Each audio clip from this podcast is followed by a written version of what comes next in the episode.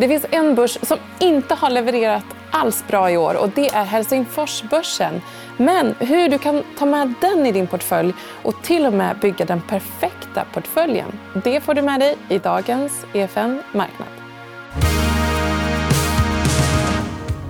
Och idag vill vi säga stort grattis Finland på er självständighetsdag. Dagen till ära så har vi med oss Kim Pessela, som är vd på Evlis fondbolag.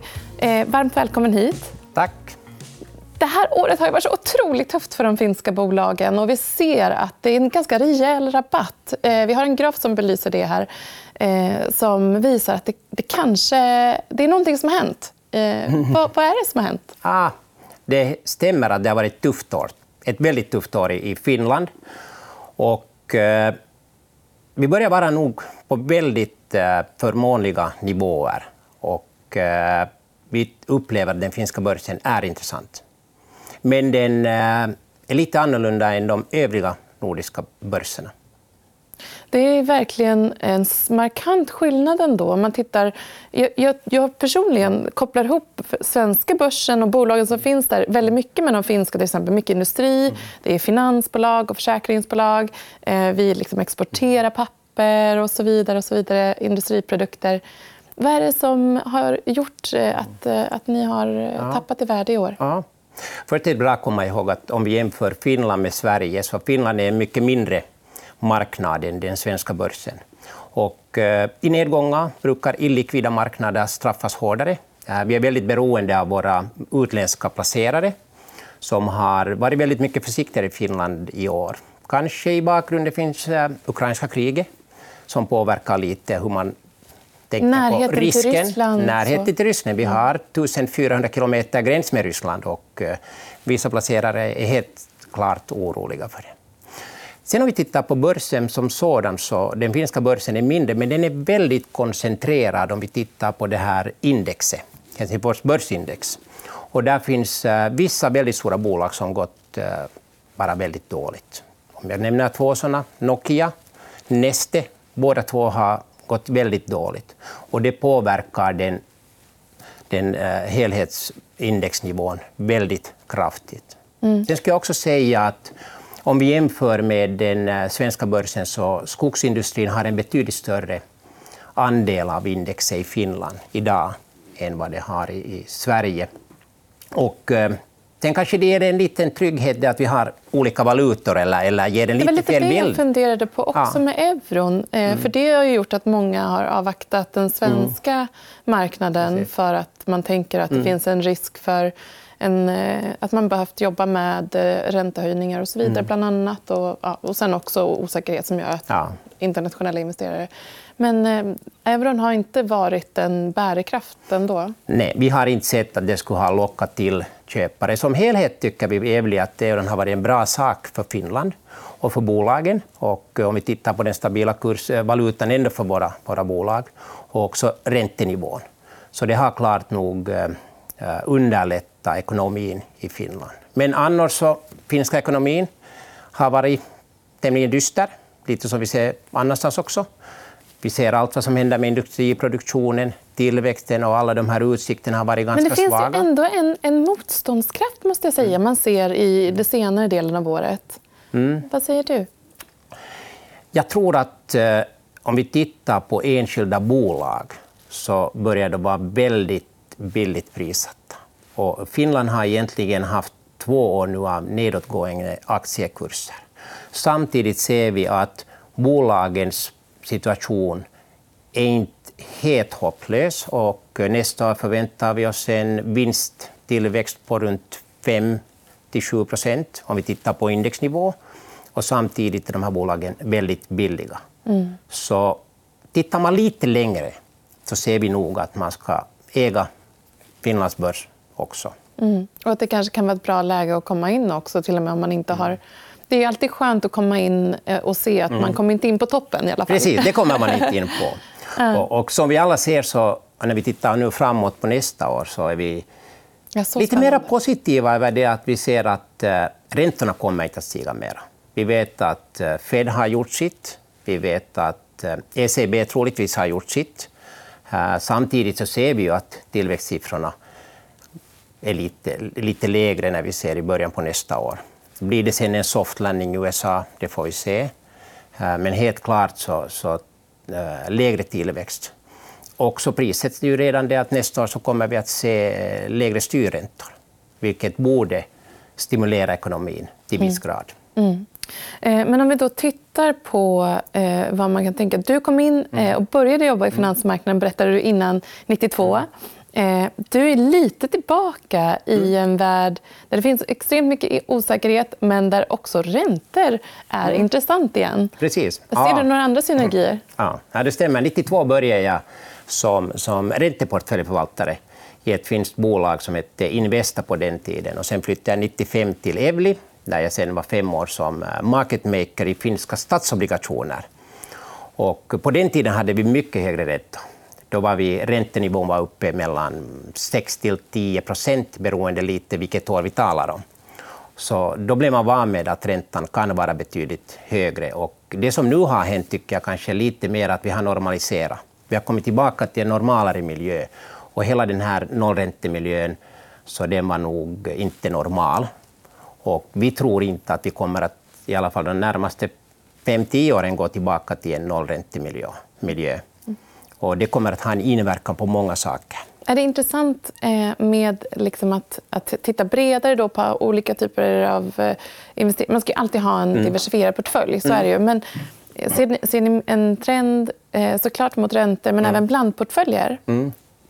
Om vi tittar på våra finska kunder, både på den institutionella finska, institutionella finska kunderna och sen våra private banking-kunder, så precis som du sa, de eh, har börjat allokera mycket mer till räntor. Och den, den logiken är väldigt enkel. Eh, en bra ränteportfölj avkastar en 56 procent. Är man färdig att ta lite mer så kallade high yield-lån, lån som har lägre eh, rating, så kan man få en avkastning på 8-9 procent. Det är mer än vad börsen i genomsnitt har avkastat Absolut. på många år. Och därför så ser vi att eh, placerare allokerar in till de här tillgångarna. Varifrån tar de sina tillgångar? Uh, väldigt många minskar på aktievikten i Finland. Uh, vad gör man sen på alternativa sidan? Uh, jag skulle säga att våra placerare i Finland är väldigt försiktiga när det kommer till bostäder, fastigheter den marknaden är tämligen lugn för att eh, säljarna skulle vilja ha ett bättre pris än vad eh, köparna är färdiga att betala. Vi ser eh, placerare som är färdiga att börja köpa fastigheter igen, men de skulle fortfarande vilja se lite högre yieldnivåer, lägre priser på fastigheter. Men vi ser nog att fastighetsmarknaden är väldigt nära sitt botten tack vare det att räntorna inte mera stiger. Mm. Det är säkert den viktigaste komponenten till den sidan. Mm. Vad gäller de här andra alternativen så har vi, Evli, vi har varit ganska försiktiga alltid med eh, onoterade mindre tillväxtbolag. Eller, eh, och det som vi har mer fokuserat på är större eh, buyout, typ av privata bolag. Globala sådana, väl diversifierat. Eh, så det finns en potential för de bolagen som har mognat lite mm. mer. Mm. Skulle du säga att ni investerar mer där? Eller ja. satsar mer där? Det där satsar vi fortfarande med. Och vi har gjort det i... Vi köpte ett bolag 2019 som hade gjort det i, sen 2000-talets början. Och eh, den, det har avkastat betydligt mer under 20 år än den listade börsen globalt sett betydligt mer. Och eh, vilka, vi ser inte att den motorn är sönder på något sätt. Vilka börsnoterade bolag skulle du säga är intressanta och kan stå sig väl på den finska börsen nu när, mm. när det ändå är ett lite mer kargt klimat? Ja. Uh, fast räntan sjunker och det brukar gynna tillväxtbolag så tycker vi nog om bolag som gör pengar för tillfället. Cashflow is king. Och, och, eh, det kan vara bolag som betalar hög dividend, tror vi kan vara en bra strategi. Eller pengar som har stadiga kassaflöden. Eh, ganska traditionella bolag. Vi ser dem väldigt billigt prissatta för tillfället. Och vi tror att det kommer att vara en bra, bra långsiktsplacering. Många gånger dessa bolag korrelerar ganska bra med inflationen också, ifall vi på nytt skulle se att inflationen skulle börja stiga. Mm. Några specifika sektorer också som du tycker är uh, intressant att nämna? De, mesta, de flesta sektorerna är väldigt billiga. Uh, småbolag är väldigt billigt prissatta. Och I långa loppet har vi de största fynden ska vi säga, har vi hittat från småbolag. Så vi, vi tenderar nog att allokera väldigt mycket till, till små och, och medelstora bolag. Mm. Eh, Mer defensiva aktier som man brukar prata om kanske håller sig bättre. Du nämnde till exempel eh, Nokia mm. som, som en aktör. Ja. Var, varför tappar de mark? och Kommer de att fortsätta, tror du? Eller? Um, jag tror med Nokia så finns det väl en hel del nog företagsspecifika utmaningar och problem också som har, har drabbat det. Och, uh, ifall vi vill gå till, till ta telekom eller IT-sektorn så brukar vi många gånger då vilja blicka oss mot USA. Vi ser att den är så pass mycket starkare och dynamiskare att, att eh, då när det går bra för, för growth, tillväxtsektorn, sektorerna, så då går det bra i USA. Och då, då tar vi oftast den exponeringen från, från USA. Uh, vi, vi, saknar lite den exponeringen i Finland. Och det är också en orsak varför börsen har varit så mycket svagare, i synnerhet om man jämför med USAs börs som har avkastat i år nästan 20 eh, procent. Mm. Men det som är spännande mm. å andra sidan är ju en möjlighet för någon. Mm. Till exempel ser vi en del förvärv och, ja. och, och uppköpskandidater. Ja. Eh, är det något som du tror kommer fortsätta? Uh, säkert en del. I år har det varit väldigt lite av dem. Och jag tror att det ena problemet är att den här eh, IPOs är väldigt på låg nivå. Det kommer inte nya listade bolag. Och det här är också ett problem för de här buyout bolagen, eller buyout-fonderna på PE-sidan. Hur ska de kunna göra en exit? Ja? Det är en bra fråga. Då ser vi ju sådana här continuation-fonder som man gör istället. Det vill säga att man har en fond som har placerat i tio år och borde komma till slutet av sin maturitet. Och, och sen gör man en, en ny fond som blir en sån continuation-fond som köper första fondens innehav istället för att göra en IPO. Mm. Det här är kanske något som på den alternativa sidan våra finska placerare funderar för tillfället att vågar de committa så mycket tillgångar till de här alternativa de nästa åren? För det har kommit väldigt lite pengar tillbaka. Det vill säga, det har inte gjorts mycket exit. Mm. Och eh, när det inte gör mycket exit, eller mycket IPOs, så, så görs det inte mycket exit och då, då blir placerarna mer försiktiga. Ja, och, och det, de kanske inte har fått tillbaka sina pengar heller, ja. så att de kan gå in i någonting ja. nytt. Så. Ja. För att inte tala om mindre tillväxtbolag var äh, de egentligen har bränt upp sina pengar. Mm. Flera av de här så är ebit negativa. Och, äh, nu är det slut på pengarna. De behöver nya pengar, så de går då till sin nya finansieringsrunda. Är det sen fjärde eller femte? Och Eh, miljön är ganska mycket kallare för tillfället. Mm. Så det vi ser är det att äh, värderingarna kommer kraftigt neråt i bolagen när de söker nu ny finansiering.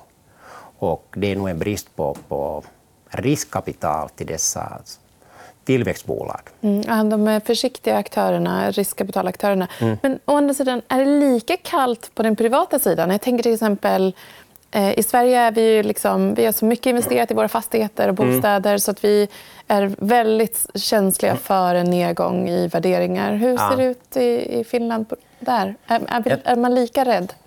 Man är orolig i Finland, men jag tror att den största orsaken är att arbetsmarknaden ser mycket svagare ut. Så konsumentsentimentindikatorerna är på väldigt låg nivå. Och man är lite mer orolig för sin egen ekonomi. Självfallet stigande räntor sjunkande fastighetspriser, höga energikostnader, höga inflation. Allt det här äter på konsumentens självförtroende. Och det ser vi nog tecken på i Finland. Och eh, de finska småspararna eh, har nog haft tuffa två år. Jag menar, vad de än har köpt på den finska börsen så är det nästan på minus i år. Mm. Tror du att eh, de eh, anar ljuset i tunneln nu i 2024 eller förbereder man sig på det värsta? Nej, jag tror att eh, de placerarna ser nog att nästa år kommer att bli bättre. Det som vi vet och ser är att räntorna stiger lite mer. Och det är en jätteviktig faktor. Och för normala placerare så är det att räntan kommer ner kommer att underlätta deras kostnader för bostadslånet. Eh, I Finland är nästan alla bostadslån bundna till eh, Euribor. Så om Euribor går ner så då kommer de direkt att få en mindre räntekostnad. Så jag tror att man kommer att se, synnerhet när vi tittar på placeringsmarknaden på den finska börsen, så kommer man se eh, ljusnad. Sen ifall man tittar på företagen, man tittar på vissa placerings... Eh, placeringsfonder och produkter, så kanske vi ser att vi har den utmaningen att det finns väldigt mycket skuld som måste finansieras på nytt. Och fast riskfria räntan kommer ner, styrräntan kommer ner, så det, så, det, finns så mycket lån som måste finansieras på nytt, så det kan bra vara att riskpremie, det vill säga det priset de hamnar betala för nytt lån, kommer att stiga. Vi hade ett Men jag exempel... tänker så här, kan det inte vara så att man nu kommer in på toppen? Alltså de som mm. allokerar om sina portföljer, att de istället de investerar fel i mark- på toppen i räntemarknaden och att de får en lägre avkastning. Finns inte den risken nu? Uh, jag tror att som placerare, om man har lite längre horisont och placerar i företagslån, så är det här ett jättebra köpläge. Men för företagen, vi hade ett exempel här i Finland, ett, ett uh, medelstort bolag som på uh, byggnadsbranschen 2021 hade lånat pengar på en kostnad på 4,75 räntenivå och eh, för en månad sedan så lånade pengar igen på 11,4. Och det är en ganska stor extra kostnad som äter upp vinsten. Mm. Men för placerarna, så länge bolaget bara inte går i konkurs, mm. så, så länge är det bra. Mm. Och eh, en ränteportfölj. Kassaflöden blir viktigt. Kassaflöden är viktiga. Mm. Och i ränteplacering, diversifiera, diversifiera, diversifiera. Det är det allra viktigaste. Och det tar vi mm. verkligen med oss. En sista fråga som jag ändå vill ställa. Eh, för nu har vi nämnt en hel del olika tillgångar. Mm. Hur ser den perfekta portföljen ut inför 2024? Den perfekta portföljen för 2024? är mycket räntor. Och de tillgångarna vi placerar i räntor för tillfället så tar vi från likvida aktieportföljen. Vi är mindre positiva på tillväxtbolagen. Som sagt, cashflow är king. Vi tycker om eh, aktierisk som genererar kassaflöden. Bolag som betalar hög dividend. Eh, på den alternativa sidan så är vi fortfarande avvaktande på fastighetssidan, men vi minskar inte den allokeringen. Eh, och vi fortsätter att placera in i private equity. Mm. Som vi ser att det är ett långt spel. Om placerar man i alternativa produkter så måste man ha en, en horisont som är tio år plus. Mm. Tack så jättemycket för att du var med i dagens program. Vi är tillbaka om ett par dagar som vanligt. Och det här är faktiskt mitt sista program som programledare eh, själv av ett EFN Marknad. Och så jag får tacka er för att ni varit med och tacka för några fantastiska år tillsammans. Vi ses snart. Du har lyssnat på EFN Marknad, en podd som produceras av EFN Ekonomikanalen. Du hittar programmet även i videoformat på Youtube och på efn.se. Kom ihåg att prenumerera på podden och följ oss gärna på Instagram för fler aktietips. Där heter vi EFN Aktiekoll. Ansvarig utgivare är Anna Fagerström.